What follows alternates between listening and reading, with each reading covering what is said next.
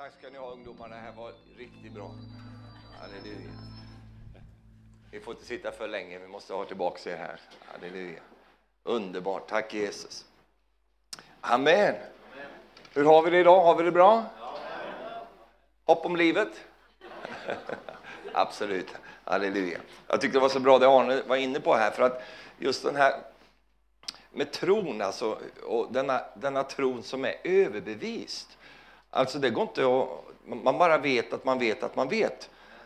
Ibland tror vi att vi har tro. Och ibland tror vi på tron. Men vi tror på Jesus. Det är han som skänker i hjärtat denna överbevisning. Och, där, och tron kommer av förkunnelsen. Egentligen, om man ska titta det riktigt, tron kommer av undervisningen. Eh, alltså hörandet av Guds ord. Eh, och därför tränger vi det. Vi tränger att höra Guds ord. Vi tränger alla möjliga möten. Men vi tränger att höra trons undervisning så att tron växer i våra hjärtan. Halleluja, det är fantastiskt. Prisat vare Gud. Är det jag som vill det eller är det Gud som vill det? En bra fråga att ställa sig. Eller försöker jag övertala Gud om någonting som inte riktigt ligger på hans hjärta? Och det är väl där någonstans det här med trons visshet, att jag vet att detta är Guds vilja. Detta är vad Gud vill i denna stund, inte bara generellt, utan för den här situationen, för den här personen. Jag bara vet det. Där finns en fantastisk vila. Halleluja. Amen. Förra veckan hade vi så underbara möten här. I, så jag var så uppmuntrad av Halvar när han var här. Jag, jag blev, hålla på att säga förälskad, det ska man inte bli men så, men eh, inte på det sättet som du kanske tänkte där. Utan jag bara tyckte att det var en sån härlig frisk fläkt som bara kom in här. Så att eh, det, får, måste vi ha mer utav. Halleluja. Och, och han, var ju så, han är ju som pastor Arne. Vet du, så, det är inte långt till handlingen. Alltså. Det är, så alltså, vi kan väl ha något team till våren till, till Ukraina? Jajamän, det ordnar vi. Sån bara. Vi behöver ingen lång kommittémöte för det. Halleluja. Det är bara kör vi. Så det, det, det, det, ska vi nog försöka med. Tänk vad kul det skulle vara att åka till Ukraina på team med er. Halleluja. Då, det blir starkt men det blir roligt också. Jag kan garantera att det blir roligt. Halleluja. Eller morsomt. Morro. Fun. Halleluja. Det kom in 25 000 kronor i offret där till halva förra onsdagen. 25 000, det är, det är bra. Ge dig själv en applåd. Amen.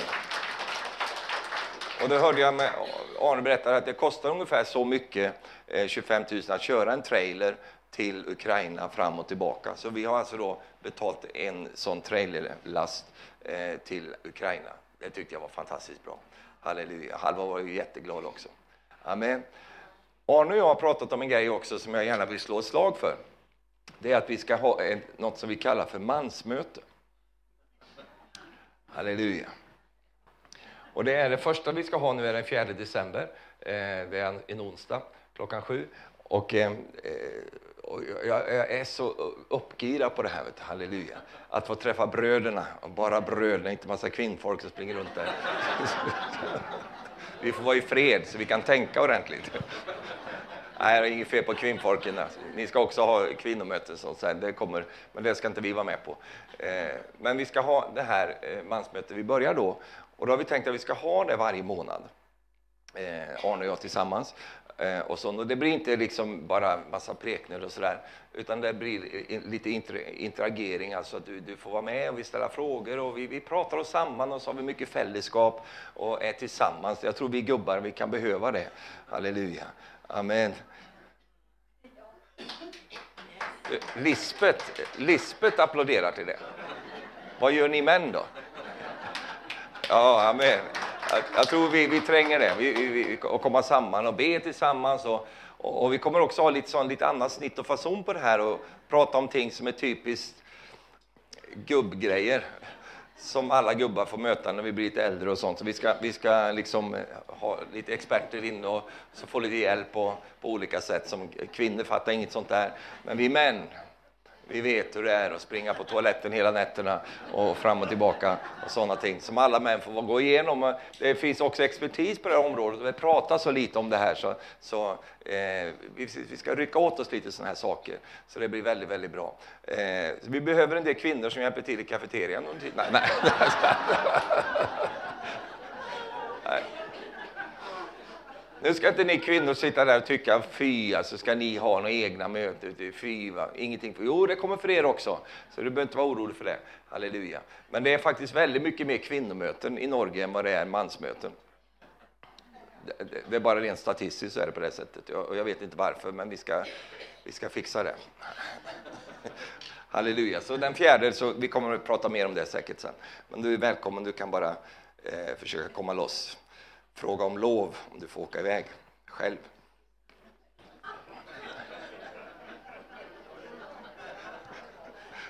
Ikväll ska vi tala om någonting som, som är väldigt viktigt eh, och som Guds ord har mycket att säga om. Eh, och vi ska eh, prata om den gamla surdegen. Och allt folket sa wow. Surdeg. Eh, det finns ju ett, liksom ett koncept där som, som följer oss i Bibeln. Och, och eh, Jesus pratar också om det, jag ska komma tillbaka till det. Han talar om den här surdegen. Han gör det på två sätt kan man säga. Han talar om den positivt, han talar om Guds rike som en surdeg, det vill säga den plantas in och sen så tar den liksom över. Det är vad surdeg gör. Och eh, sen så talar han också om den dåliga, den onda surdegen som har samma effekt kan man säga. Det är en, en liten sak som planteras, eh, stoppas in i en deg då eh, och får en enorm effekt på den degen, tar över alltihop. Paulus är ju där också, han talar också om det och vi ska börja där ikväll. Han säger så här i första Korinthierbrevet 5, så talar han i vers 6. Så säger han så här. Ett skryt låter inte bra. Vet ni inte att lite surdeg syrar hela degen? Och det, det, det, är precis vad den gör. Nu är inte jag surdegsexpert, men jag har läst på lite grann. Jag är inte så mycket för surdegsbröd och sånt, det är väldigt populärt nu för tiden. Men det är, det är säkert gott för er som gillar sånt. Eh, och så. Det finns ju en hel eh, liksom, kultur med det här. Det är superpoppis i vissa sammanhang. kanske var lite mer för några år sedan. Eh, man odlade surdegar och sådär. Det finns till och med vissa platser som har surdegshotell. Man kan gå med sin surdeg och så sätta in den på hotell så länge, för den ska väl vändas på lite och skötas om som en liten husdjur. Så där. Så ta hand om den där lilla surdegen. Då. Och jag läste på om det där med surdegar, det är ganska intressant egentligen. Eh, alltså surdeg används ju då eh, i jäsningsprocessen när man bakar bröd. Jag är inte bra på sånt här, men jag har bara läst på lite grann. Eh, så den används då för att jäsa eh, brödet på ett visst sätt och få den åt ett visst håll. Eh, då blandar man in surdeg i den vanliga degen och så på så sätt så påverkas hela degen. Nu läste jag bara till här. Sen finns det alltså en hel vetenskap runt det här. Visste du att det finns surdegar som är hundra år gamla och funkar jättebra? Man kan bruka dem, de har en fantastisk förmåga att överleva. Och jag tänker, ju medan jag säger de här sakerna, så tänker jag det finns surdegar som har överlevt. allt behövs bara man stoppar in det i det goda så tar den över bara. Och sånt. Det verkar som att eh, surdegen från Jesu tid, som fanns väldigt mycket av, eh, har överlevt och eh, kan eh, brukas i moderna dagar som, som dessa. Eh, därför att surdegsfunktionen har den, just den funktionen.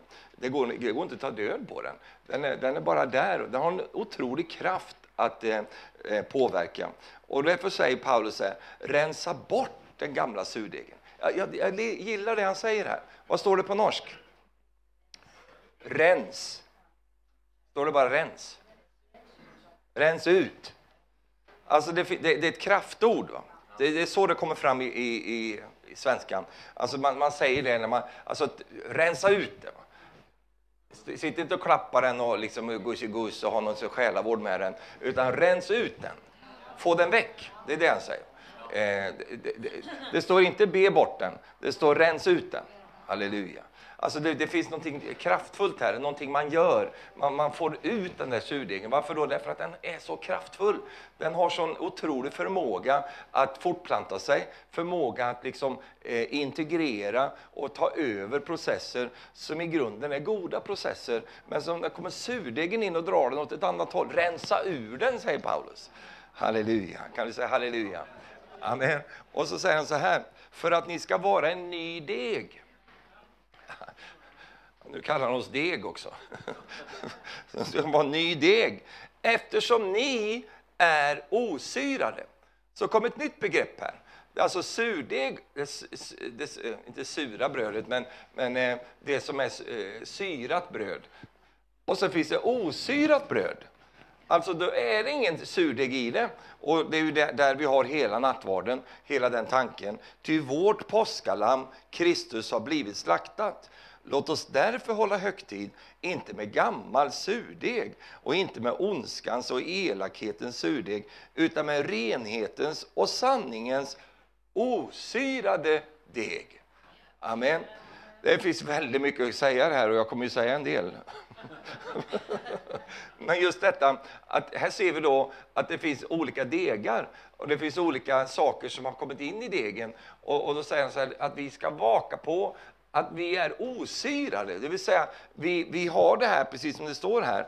Vi har inte eh, ondskan eller elakhetens surdeg, utan vi har renhetens och sanningens osyrade deg. Varför då? Jo, därför att vi, har ett, vi är en ny deg, som han sa. Eh, det, det, vill säga, vi har ett nytt påskalamm. Vi har Jesus och, och, genom honom har allt blivit nytt. Och därför så vill inte Herren att något gammalt ska komma in i det som är nytt. Och nu är det för lite amen, halleluja här. Han vill inte det, utan han vill ha väckt de sakerna. Och då kan du säga så här, ja men jag har ju blivit frälst. Jag har ju kom... Ja men det är sånt att den där lilla surdegen, om den får ligga kvar så, så verkar den. Och därför måste jag ta en aktiv roll i att få den väck ifrån mitt liv. Ja, halleluja. Nåväl, Jesus kallade farisismen, eller fariseernas lära, han kallade det för surdeg. Och det står i Matteus 16, vers 11, så står det så här. Hur kunde ni tro att jag talade till er om bröd? Det var det de trodde. För han hade sagt till dem, akta er för fariséernas surdeg. Och då trodde de alltså att han snackade om, om surdegsbröd. Men det var inte det han pratade om. Så då kan du andas ut som gillar surdeg här. Du gillar sånt bröd. Go ahead, det kommer inte skada dig. Utan det är bara spis på bara. Så det är inte det vi pratar Vi pratar inte om vanligt bröd nu. Det, det har du fattat från början redan. För du är så intelligent. Hur kunde ni tro att jag talade till er om bröd? Jag sa ju åt att ni, jag sa ju att ni skulle akta er för fariséernas och saduceernas surdeg. Då förstod de att han inte hade talat om att akta sig för surdeg i bröd, utan för fariséernas och saduceernas lära. Där har du surdegen. Alltså det som kommer in och beblandar sig med det som är Guds ord och lägger sig in där som en surdeg och tar över jäsningsprocessen och övertar hela degen. Det är det surdegar gör. Och därför ska både du, du och jag ha respekt för detta så vi inte utsätter oss för någonting som vi sen får slita med väldigt mycket. Så han kallade det för, för en surdeg. Och jag har väl sagt det här förut någon gång, jag, jag kommer inte ihåg om jag sagt det förut, men jag har sagt så mycket förut.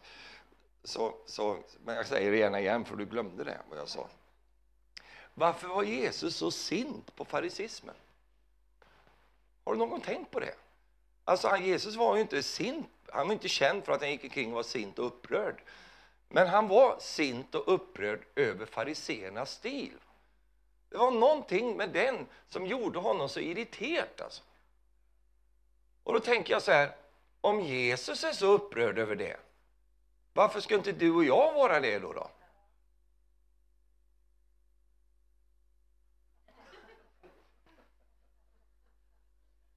Jag har en poster hemma som heter så här, om, du, om din hund inte gillar någon, då kanske inte du heller skulle göra det. För hundar har en förmåga att, att läsa människor, vet du. Så om en hund inte gillar någon så kanske du ska fundera på, jag kanske inte heller ska gilla den så mycket. Om Jesus inte är lik farisismen, då kanske det är ingen bra idé att du gör det.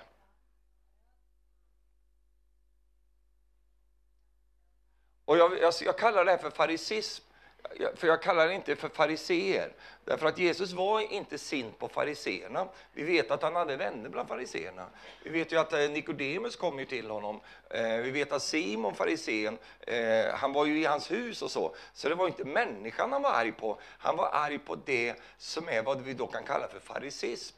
Och nu ska inte du tänka på ortodoxa judar som, som, som kallas för det idag eh, och så, som står nere vid, vid, västra muren och så. Det är inte det vi pratar om nu, utan farisismen den har överlevt förstår du, som en gammal surdeg.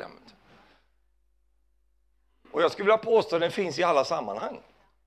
Den finns i även våra sammanhang, vi som tycker att vi är så fria från den, så är det så. Den finns tillgänglig för var och en som vill blanda in den i sin deg, så kommer den att ha effekt där.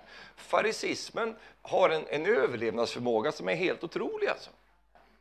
Och varför var han så upprörd över dem då? Jag har, jag har satt ner några punkter på det. Jag har sju stycken punkter på varför Jesus var så sint. Alltså verkligen sint alltså.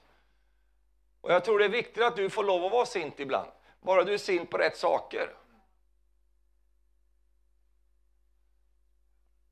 Och alla män sa? Amen. Och alla kvinnor sa? Ja. Om Jesus fick vara det så får väl vi vara det också, men han var sint på rätt grejer han. Amen.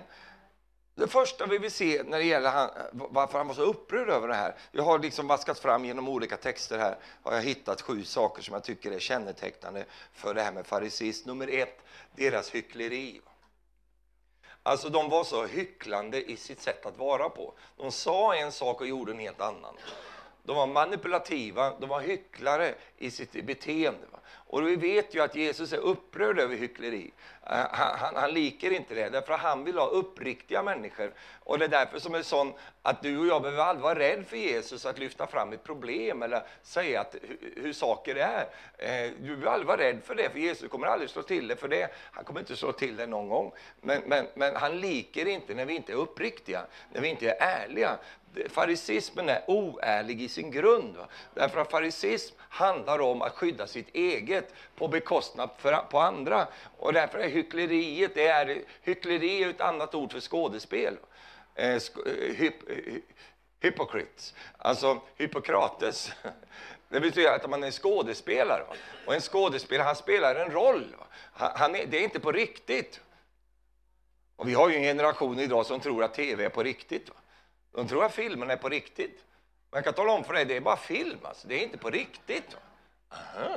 Är det inte? Nej, det, det är uppregisserat. Det är människor som spelar roller. De är inte sådana.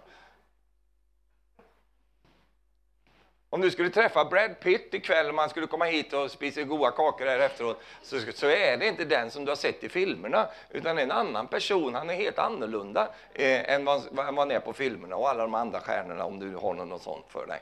Så är det så. Det det är film, det är inte på riktigt, det är uppdiktat, det är skådespel. Och en del är väldigt skickliga på att ha skådespel. Och det är väldigt jobbigt att tro att skådespelet är på riktigt. Därför att om du gifter dig med en som har, som har skådespelat för dig spelat en roll. Och sen gifter du dig med verkligheten. Du kan få chocken av ditt liv. Alltså. Aha. ja. Det är bättre att du gifter med en som du vet vad det är du får. Alltså. Som luktar illa i mun på morgonen, precis som du gör.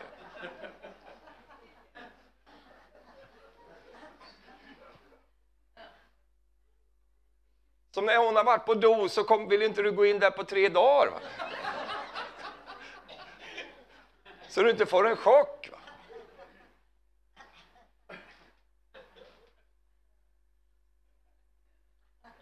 Det är mycket bättre. Då vet du vad du har fått. Halleluja. Och om du tyckte att det var inte så mycket jag fick, ja men du kan ju förbättra det då. Du kan du jobba, du vet vad du har att jobba med. Det är mycket jobbigare att ha den förväntningen och den verkligheten. Än att ha den verkligheten den förväntningen och så blir verkligheten sån. Det är mycket bättre att det går åt det hållet. Halleluja. Kan du säga halleluja? Vad hette hon, eh, drottningen som kom och hälsade på Salmo? Eh, Sabina, nej, vad hette hon? Där? Saba, drottningen från Saba. Hon kom och hälsade på där. Hon hade ju så, inte Sabina kanske, men Saba. Hon kom och hälsade på va? och hon hade ju hört massa grejer. Så, men hennes förväntning Alltså hon, hon, hon, sa, åh det är ju så mycket mer än vad jag förväntade mig. Så mycket bättre än vad jag förväntade mig, än det som jag eh, hade hört. Va? Eh, och precis så är det i våra liv, det är bättre att ha förväntningen ställd åt rätt håll. Nu menar inte jag att man inte ska ha någon förväntning, men den bör ju vara någorlunda realistisk. Va? Halleluja. Och det hyckler, hyckleriska, hyckleriska livet, att, när man börjar hyckla om saker och ting, varför gör vi det?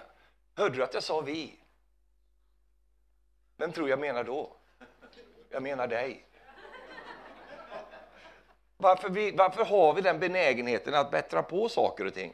Eh, sån och allt detta. Sen finns det en annan som sätter sin ära i att göra saker värre än vad det är men de är inte så många utav utan det är mer att, att vi gärna vill bättra på vår image, va? bättra på saker och ting.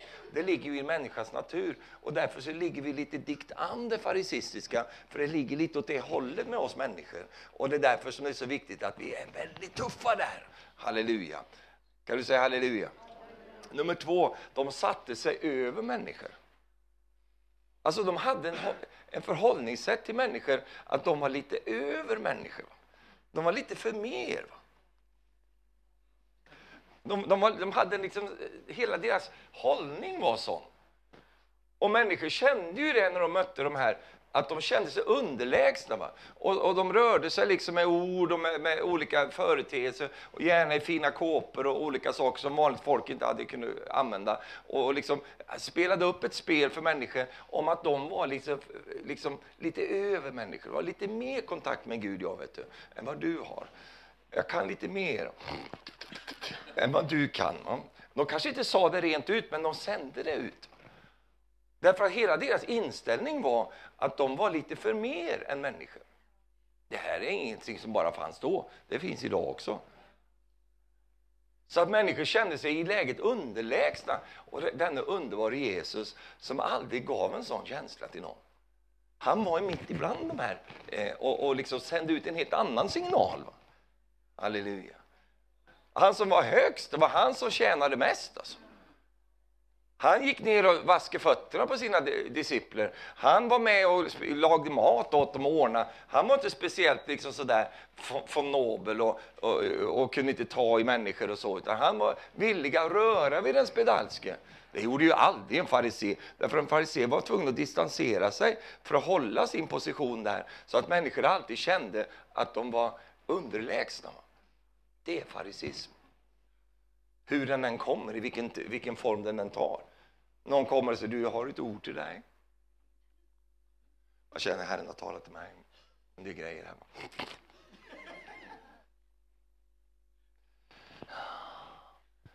Alltså det där, den där stilen. De satte sig över människor. Två män gick upp i templet för att be. Den ene var en farisé, den andra publikan. Farisén stod och bad för sig själv. Gud, jag tackar dig för att jag inte är som andra människor. Vilken bön alltså. Alltså, bara det att han hade den frimodigheten sa ju någonting om hur han såg sig själv. Jag tackar dig här att jag inte är som andra människor, rånare, brottslingar, äktenskapsbrytare. Eller som den där publikanen där borta. Nej då. Jag fastar två gånger i veckan. Jag ger tiden av allt jag tjänar, bara så du vet. Eh, publikanen stod långt bort och vågade inte ens lyfta blicken mot himlen utan slog sig för bröstet och bad Gud var mig nådig.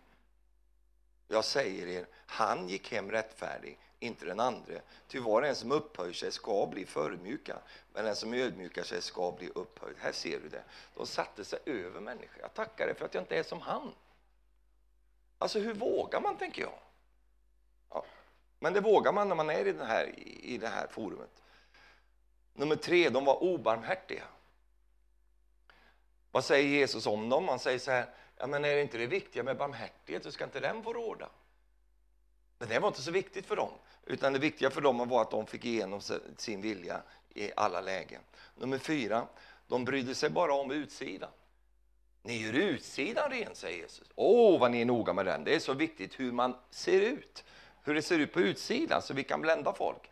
Men insidan är ni vitkalkade, ni är som gravar på insidan. Det är vitt på utsidan men det är mörkt fullt av ondska på insidan. Det är farisism.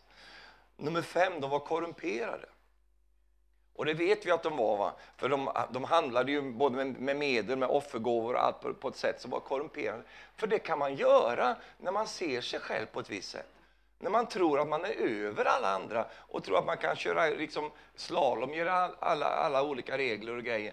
Det, det, det blir så i korruption. Alla korrumperade liksom, eh, sammanhang har det i sig, därför att man sätter sig över saker och ting. Och nummer sex, de hindrade människor att komma in i Guds rike. Alltså de, de tillät inte människor komma in. Det här säger Jesus själv. Ni hindrar människor från att komma in i Guds rike. Själva kommer ni inte in sen. Och ni hindrar andra från att komma in. Och nummer sju, de planterade in en surdeg genom deras lära. Detta är farisism. Det finns säkert fler saker man kan ta upp här, men jag landade i sju olika saker. När man ser de texter som handlar om det här, som Jesus talar ganska mycket om faktiskt, så är det ju någonting som du och jag behöver ta varning i när det gäller de här sakerna. Så att inte vi odlar en sån hållning på ett endaste sätt, utan vi istället är aggressiva emot detta. Amen. Du ska bli fundersam när människor har en benägenhet att alltid skälla på andra, eh, både när de prekar och när de pratar. Alltid är något fel på andra, alltid oavsett om det är något fel på andra eller inte, så ska man inte bruka de sakerna till det. Därför att vi är inte kallade att preka vad andra inte gör, utan vi är kallade att preka Guds ord. Halleluja! Det är det vi är kallade till. Inte hålla på liksom och skicka missiler och hålla på fram och tillbaka. Du, det bör ringa en liten varningssignal hos dig när du hör sådana grejer. Vad är det som felas denne man eller denne kvinna när de måste hålla på på det här sättet. Det är något som fattas.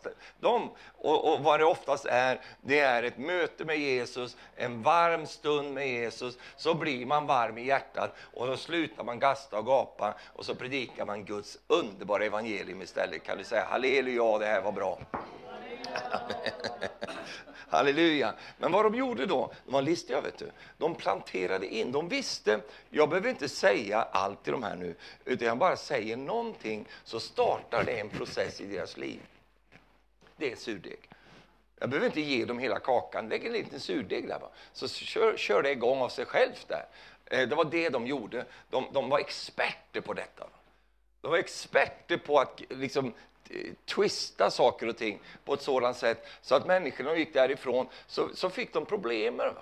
De började fundera, vad var det här egentligen? Varför hände det? Vad, är, vad sa de egentligen? Vad var det? Och så får de gå därifrån förvirrade istället för befriade. Det var motsatt när de kom till Jesus. De kom till Jesus bekymrade och de gick ifrån Jesus befriade. Halleluja. De var glada när de lämnade Jesus. Men när de lämnade fariseerna, då gick de därifrån med bördor. Och bördorna som, som lades på dem, det var ju de här sakerna som skulle brukas till att kontrollera dem senare.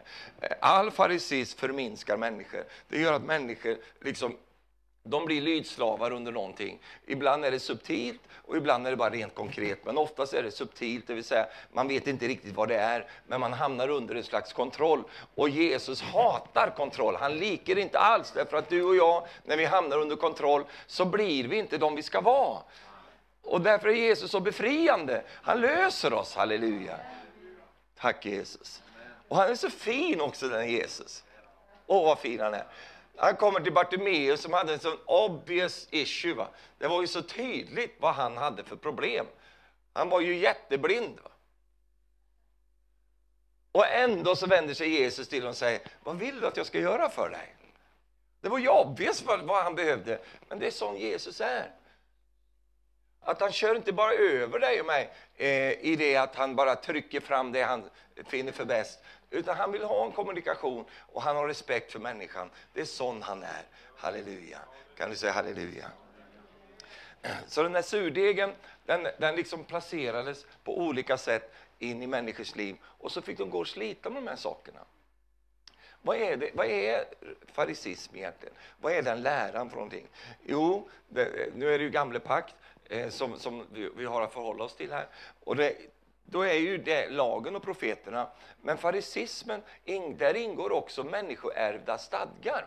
Alltså sånt som man då kan kalla för traditioner. Saker och ting som är väldigt passliga att bruka när du vill kontrollera människor. För då kan du hugga in de sakerna också. Eh, och så likställer man de sakerna med, i det här fallet då Guds ord, det som vi hade tillgängligt på den tiden. Så likställer man det och på det sättet så startas en kontrollapparat. Därför att de enda som egentligen kunde alla de här sakerna, för det massor av regler och reglementer, alla möjliga grejer. Allting för att binda människor, ingenting för att befria människor.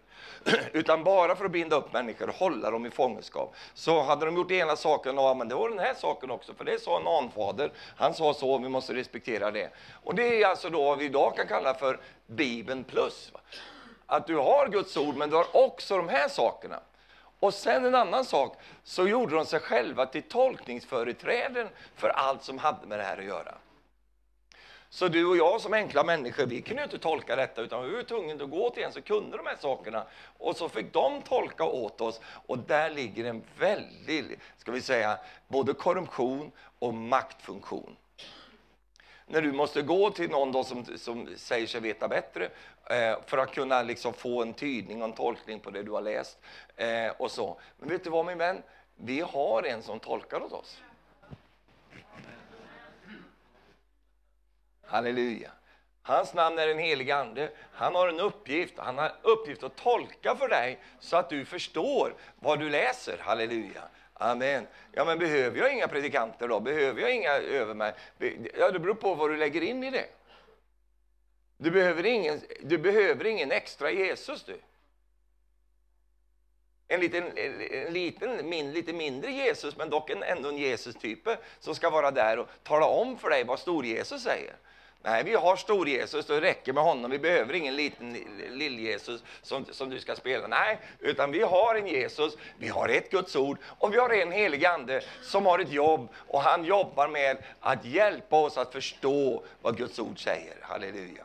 Sen brukar han förkunnare, han brukar bibellärare, han brukar människor, eh, salvar den helige Ande för att förmedla någonting som växer i ditt eget hjärta och som samverkar och som bekräftar vad Gud talar om i ditt hjärta. Halleluja! Kan du säga halleluja till detta? Ja. Men fariseerna hade ju den stilen att de gjorde sig till folk, tolkning, folknings, tolkningsföreträdare. Det är vi som talar om precis hur man ska tolka det här.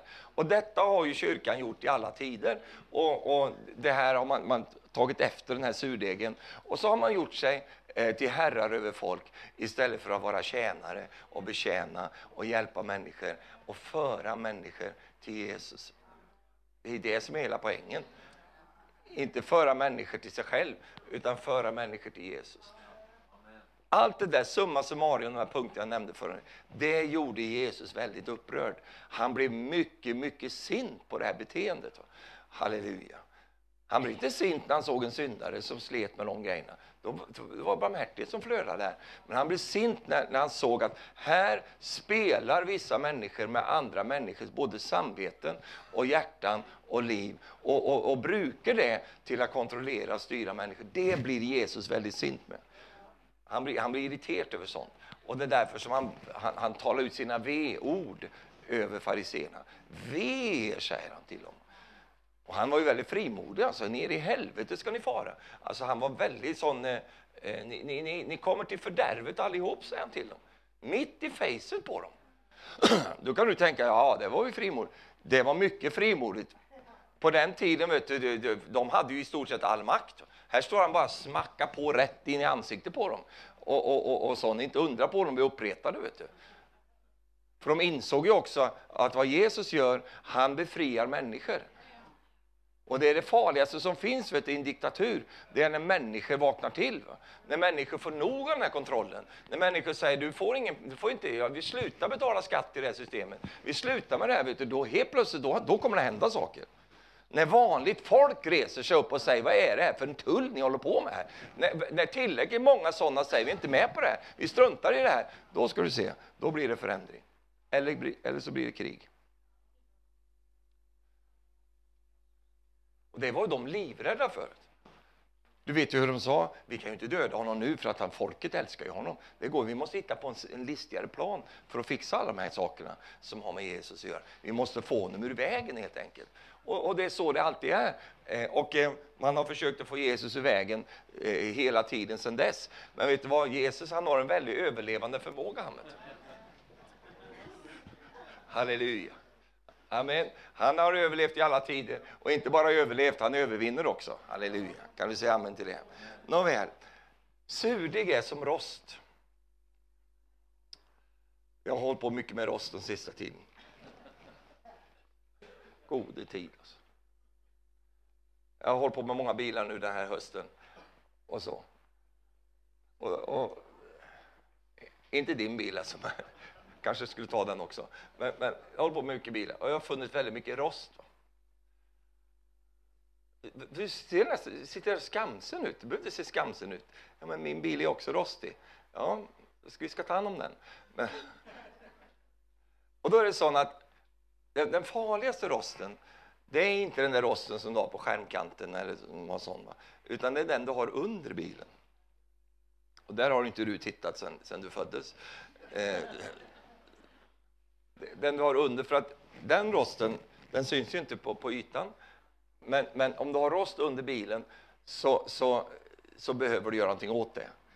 Därför att, du vet, jag hade, min första bil var en Volvo Amazon. Eh, och Volvo byggde så fantastiskt bra bilar, det vet Erik. Eh, den bilen han har, den går inte att döda, det är helt omöjligt. Eh, men, gamla Volvo, så, de var så bra gjorda. Så det, skötte du bytte olja och sådana saker så överlevde de mycket som helst. Men det som tog dem var rosten.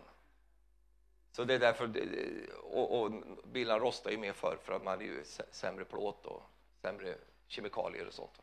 Men bilar rostar väldigt mycket idag med. Jag är förvånad. Varför blir det så tyst för? Jag pratar ju bara om bilar. Jag vet vart du är på väg, Stefan. Mm. Jag kommer till dig också. Så bilar som rostar, i Norge rostar bilar väldigt mycket har jag upptäckt. Jag har hållit på med många rost, eh, rostiga norska bilar.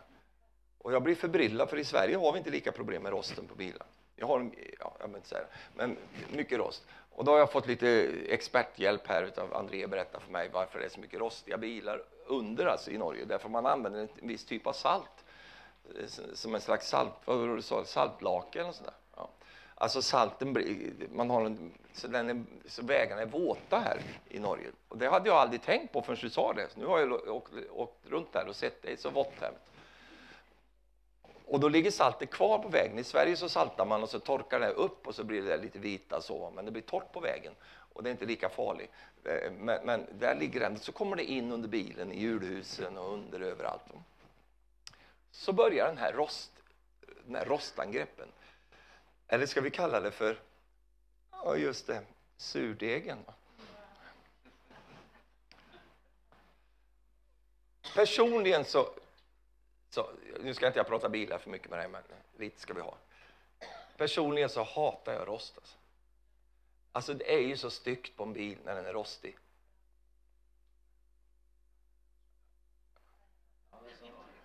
Hur många håller med mig? Hur många bryr sig inte? Spelar ingen roll, man kan köra bara med En del är sådana också. Ja. Jag avskyr det. Alltså. Det är det värsta jag vet. Det är en pen, fin bil och så är det rost på den. Det är som djävulen har varit där med, sin, med, sin, med sina grejer. Han, han har väl inget med din bil att göra? Nej. Och då, då, då, då blir, blir det rost. Och då när, när man då och rost är ju ett universellt problem. Det finns överallt där du har metall så har du rost. Va? Eller korrosion, alltså trä som ruttnar och sånt. Va? Du har det. Därför att när du utsätter ett material för elementen så händer någonting. Eh, rost kommer därför att du tillsätter luft, syre och vatten. Då, då kommer rostprocessen, korrosionen går igång då. Eh, och så, och det, det in, finns ingen bil, finns ingen plåt som, som är eh, fullt ut motståndskraftig. Till och med rostfri stål eh, rostar lite grann. Så, så, sån är det bara. Men man kan göra någonting åt det och det är dit jag är på väg. Halleluja. Jag pratar inte om din bil nu förstår du, jag pratar om dig.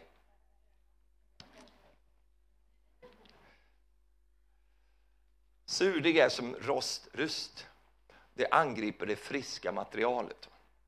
Det som är gott, det, det sätter sin ära i att ödelägga det som är friskt. Sån är surdegen. Jesus bör man... Ja, Jesus. Ja, det är sant. Silver Bridge. Det var en bro som gick över Ohiofloden mellan West Virginia och Ohio. Den kollapsade den 15 eh, december 1967 mitt under rusningstrafiken vilket resulterade i att 46 personer dog. Bron var konstruerad i stål och var den första bron i USA som man målade med aluminiumfärg, där, därav Silver Bridge.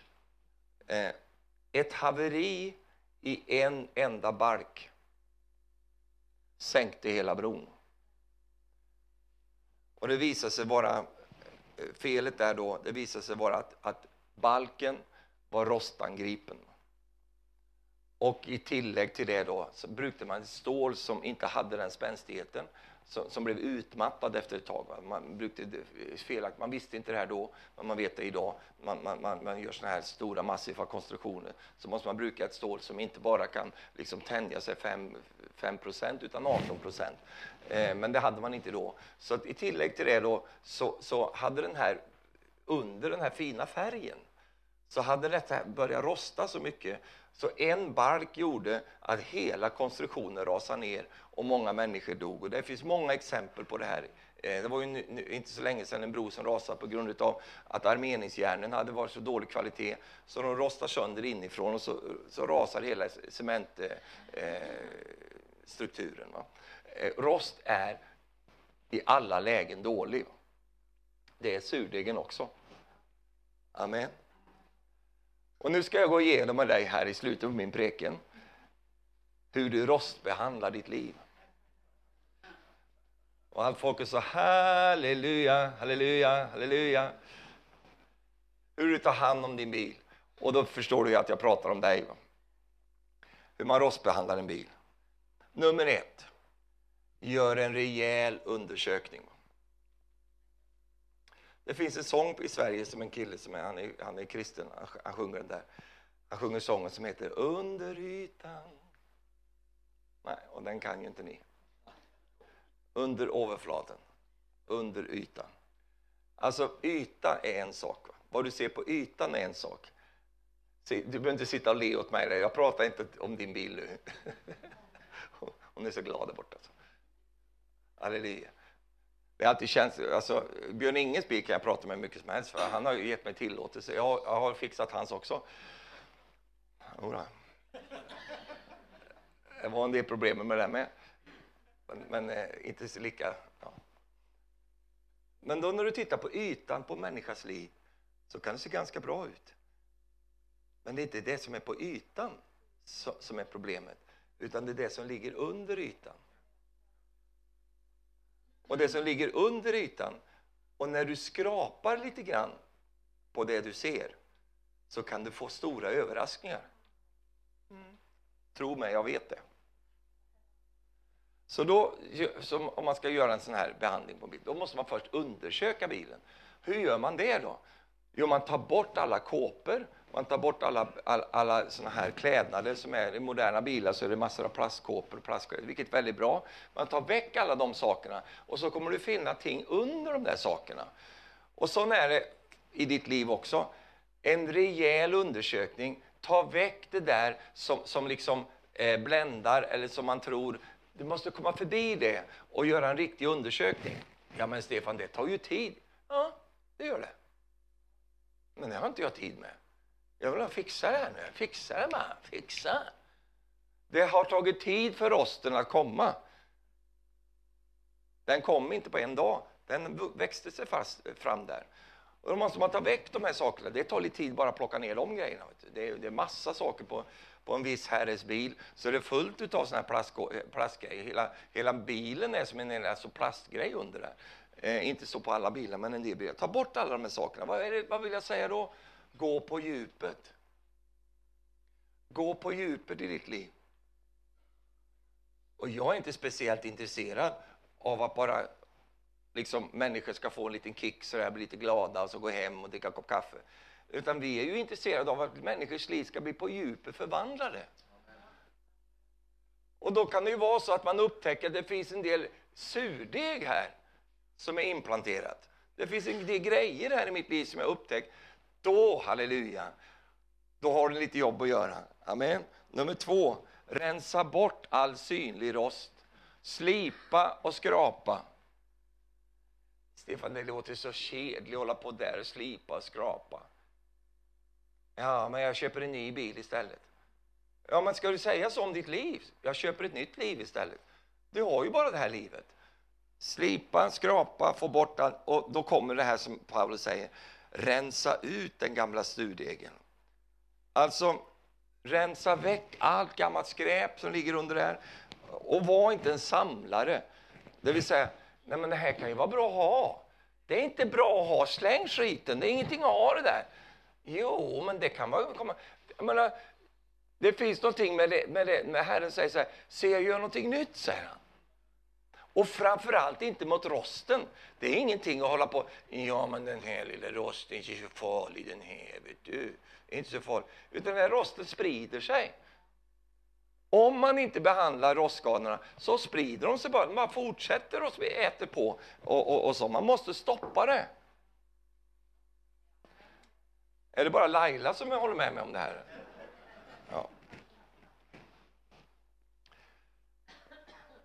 Var sträng mot rosten. Var tuff mot den. Få den väck. Alltså. Halleluja. Och Det betyder också då, byt ut skadad plåt. Det som har blivit rostangripet, det, lägg inte någon plastic padding över den eller liksom eh, måla lite, eh, det ser, det ser bra ut.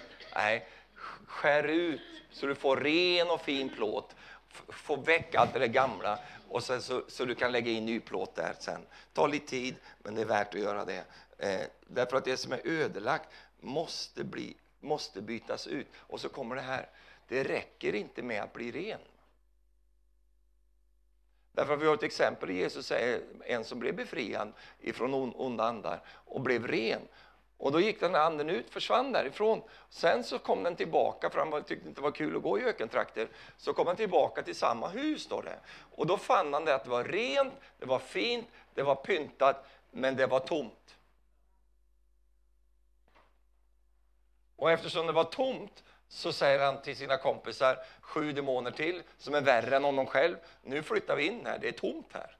Och det är därför som man måste fylla det med, med någonting annat. Halleluja. Så när du får väck de gamla grejerna, in med de nya grejerna. Kan du säga halleluja? Amen. Och då kommer nummer fyra, när du rostbehandlar. Spruta in rikligt med tunn rostskyddsmedel. Överallt. Det är så kul att hålla på rost. Man behöver inte vara så noga. Vet du. Det är bara att spruta på. Ta en liter till. Vet du. Det jätte, kommer ut alldeles svart när du kommer under bilen där. Och vad sprutar du på? Det gör inget om det rinner, det rinner ner på din näsa, det gör ingenting. Och så bara fortsätter du spruta det. Massvis, bara häll in i alla håligheter. Överallt, halleluja. Och rosten bara säger, fy vad jobbigt, nu kommer de med Amen. Jag ser att du aldrig har gjort det här. Och sen, vad, vad, vad, vad, står det för i ditt liv? In med Guds ord i mängder. Bara fyll det själv. När det har blivit tomt, vaskat, rent, du har fått väck den gamla surdegen. Vad gör du då? Ja, då ska du inte sitta där bara, utan in med nytt material. In med Guds ord. Fyll det med Guds i varenda hålighet i din själ. In med allt, bara, bara proppa dig full med Guds ord. Tryck in det från väg Guds ord. Det är fett, halleluja. Och fett är väldigt bra mot rosten, halleluja. In med, tryck in det bara, halleluja. Massvis, amen. I varenda porer av din själ.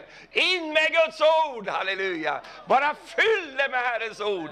Prisat vare Herrens namn. Så när de här eh, som har plågat dig och, och, och hållit på med det kanske tidigare i ditt liv kommer tillbaka och vill pröva sig igen, så inser de att här har du flyttat in massa nya grejer här. Ja, vi får ju inte plats här längre. Nej, just det. Ni får inte plats här längre. Rosten får ingen möjlighet att återta någon terräng. Därför att du har blockerat det genom att du har stoppat in Guds ord i varenda hålrum, varenda plats, plats under plasten i ditt liv. Du bara stoppar fullt där. Halleluja. Du vet, eh, jag blir så glad, jag får sådana halleluja moment vet du, när jag håller på där.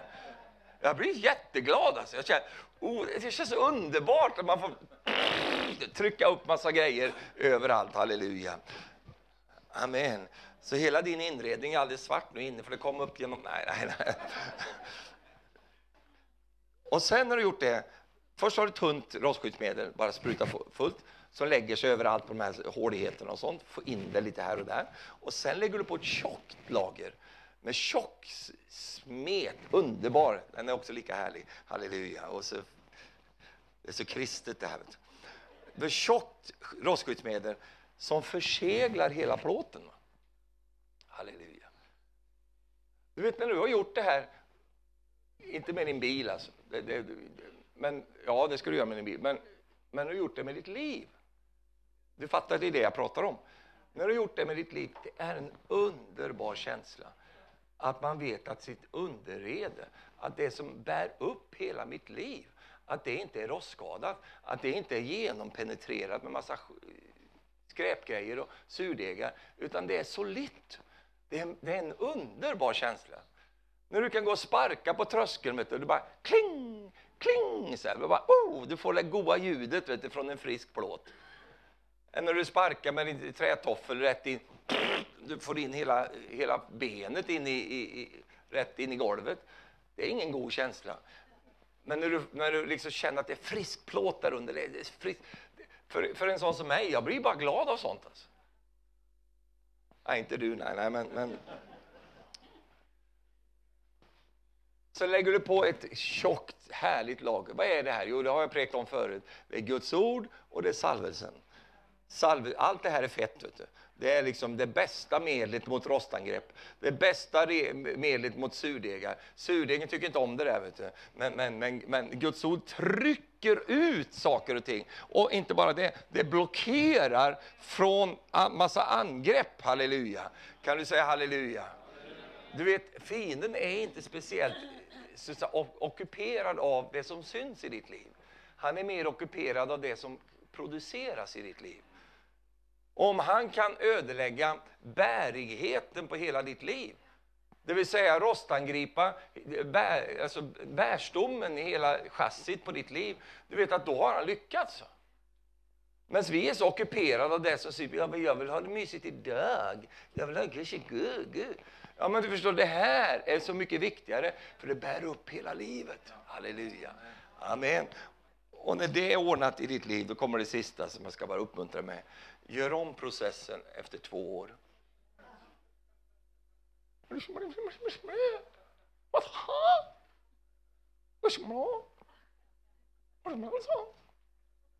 Ja. För en del tänker så här, ja, jag blev ju frälst, vet du. Halleluja. Oh, ja, nu är jag frälst, jag är med Gud, vet du. Amen, det går jättebra för mig. Ja, det går bra ett tag.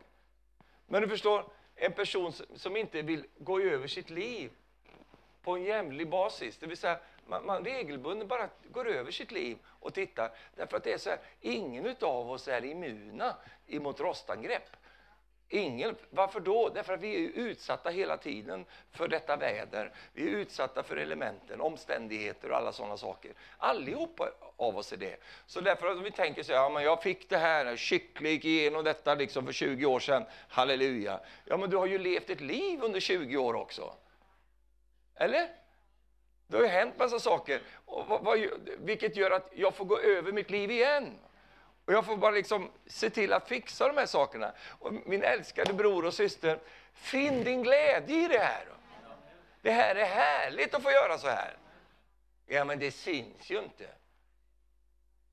Jag vill bara ha nya fälgar. Det syns ju. Ja, men allt det andra ger ju förutsättningen för att du ska kunna åka i frid med dina nya fälgar.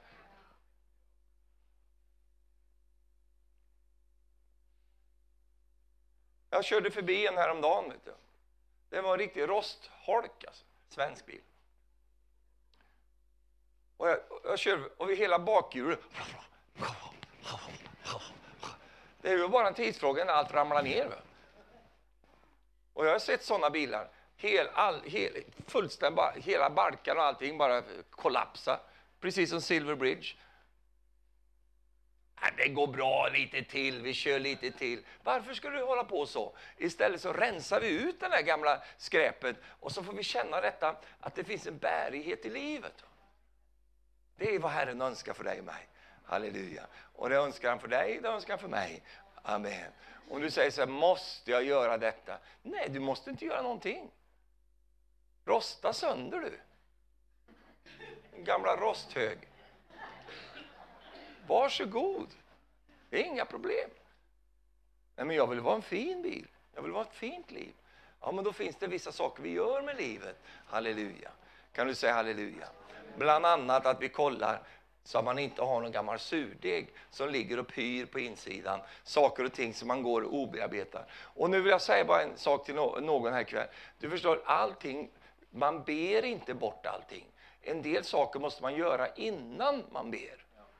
För Jesus säger det själv, han säger så här, om du går till altaret med en gåva och du ska bedja där och du, kommer på att du har en oförrätt med din broder lämnar hon din gåva, går tillbaka och gör upp det med det. har inget med bön att göra. Det har med att man tar sina fötter och så går man dit, så gör man upp det där, fixar de där sakerna så det inte är någon surdeg jag kommer med här nu. Och sen går du tillbaka och sen ber du. Då ska Herren se din gåva. Alltså det finns saker och ting vi gör eh, utöver det vi ber.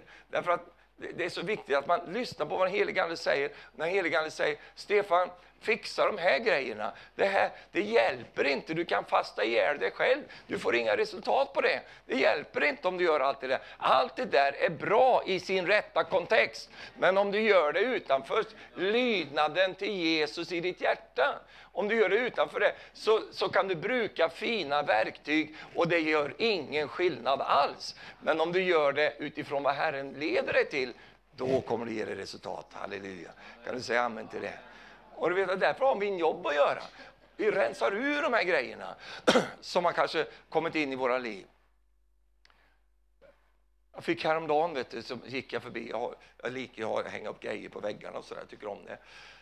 Jag har min nedervåning, där, där får jag vara med mina grejer har så mycket knivar och sånt där på väggarna där, vet du, och gamla ormskinn och allt möjligt. Så jag liker sådana grejer. Jag är kille, jag vet.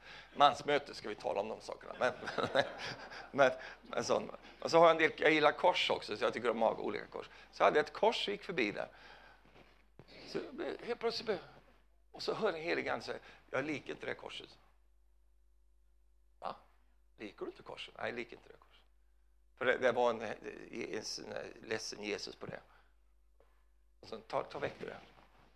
Jag bara kände, va? För det var en liten period i mitt liv, jag var lite sån, eh, köpte på mig lite sånt där. Tyckte det var snyggt liksom, stiligt. Alltså, jag, jag liker inte det där. Och nu blir det så fruktansvärt tyst där så nu jag bara... Och vad gjorde jag då? Ja, men för rensa väck det där. Det är ju fel associationer. Det är associationer för mig alltså. alltså du får ha vilket kors du vill, men Herren talar till mig. Ta, ta väck det där. Sätt in ett annat istället. Halleluja. För nummer ett, Jesus är inte ledsen. Jesus är lider inte idag. Jesus är död, men han är också uppstånden. Halleluja. Han dog på ett kors, men han har stått upp igen. Halleluja. Och jag, jag tränger att se hans seger. Jag tränger att se att han är uppstånden. Jag tränger att se att Jesus lever. Halleluja. Det är vad jag tränger att se när jag går förbi mina, när jag tittar på olika saker. Halleluja. Eh, och du vet att vi har ingen ledsen Jesus. Vi har en glad Jesus. Han är glad. När han tittar på dig så är inte han ledsen och håller på att ramla av pinnen. Nej, utan han säger jag har segrat över död och helvete och jag är din seger Stefan. Jag är din seger. Jag vill att du ska vara uppmuntrad av det du ser. Halleluja. Kan du säga halleluja? Amen. Så ibland får man bara, och så gör man det bara. Och så rensar man där, halleluja. Och så får man ordning på saker och ting. Halleluja. Det handlar om lydigheten till vad Herren säger till dig nu. Amen. Eller är det så att du vill säga till Herren vad han ska göra? Eller har han rättigheten att få säga till dig vad du ska göra? Ja, du, du har ju redan det svaret där. Halleluja. Så då ödmjukar vi oss under Herren och så bara ser vi till att vi inte går omkring med grejer i våra liv som på något sätt liksom är med och lägger in en liten surdeg. Vi vill inte ha någon surdeg, utan vi vill ha det osyrade i våra liv. Alltså vad betyder det? Att det är inte massa tillägg, massa in, inlägg där, utan det är rent och fritt, halleluja. Och, och, och det är härligt. Kan du säga amen? amen. Halleluja. halleluja. Titta på din vän och säg så här, Väck med surdegen.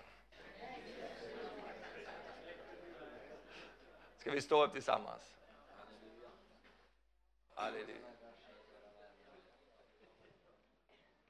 Kalabashin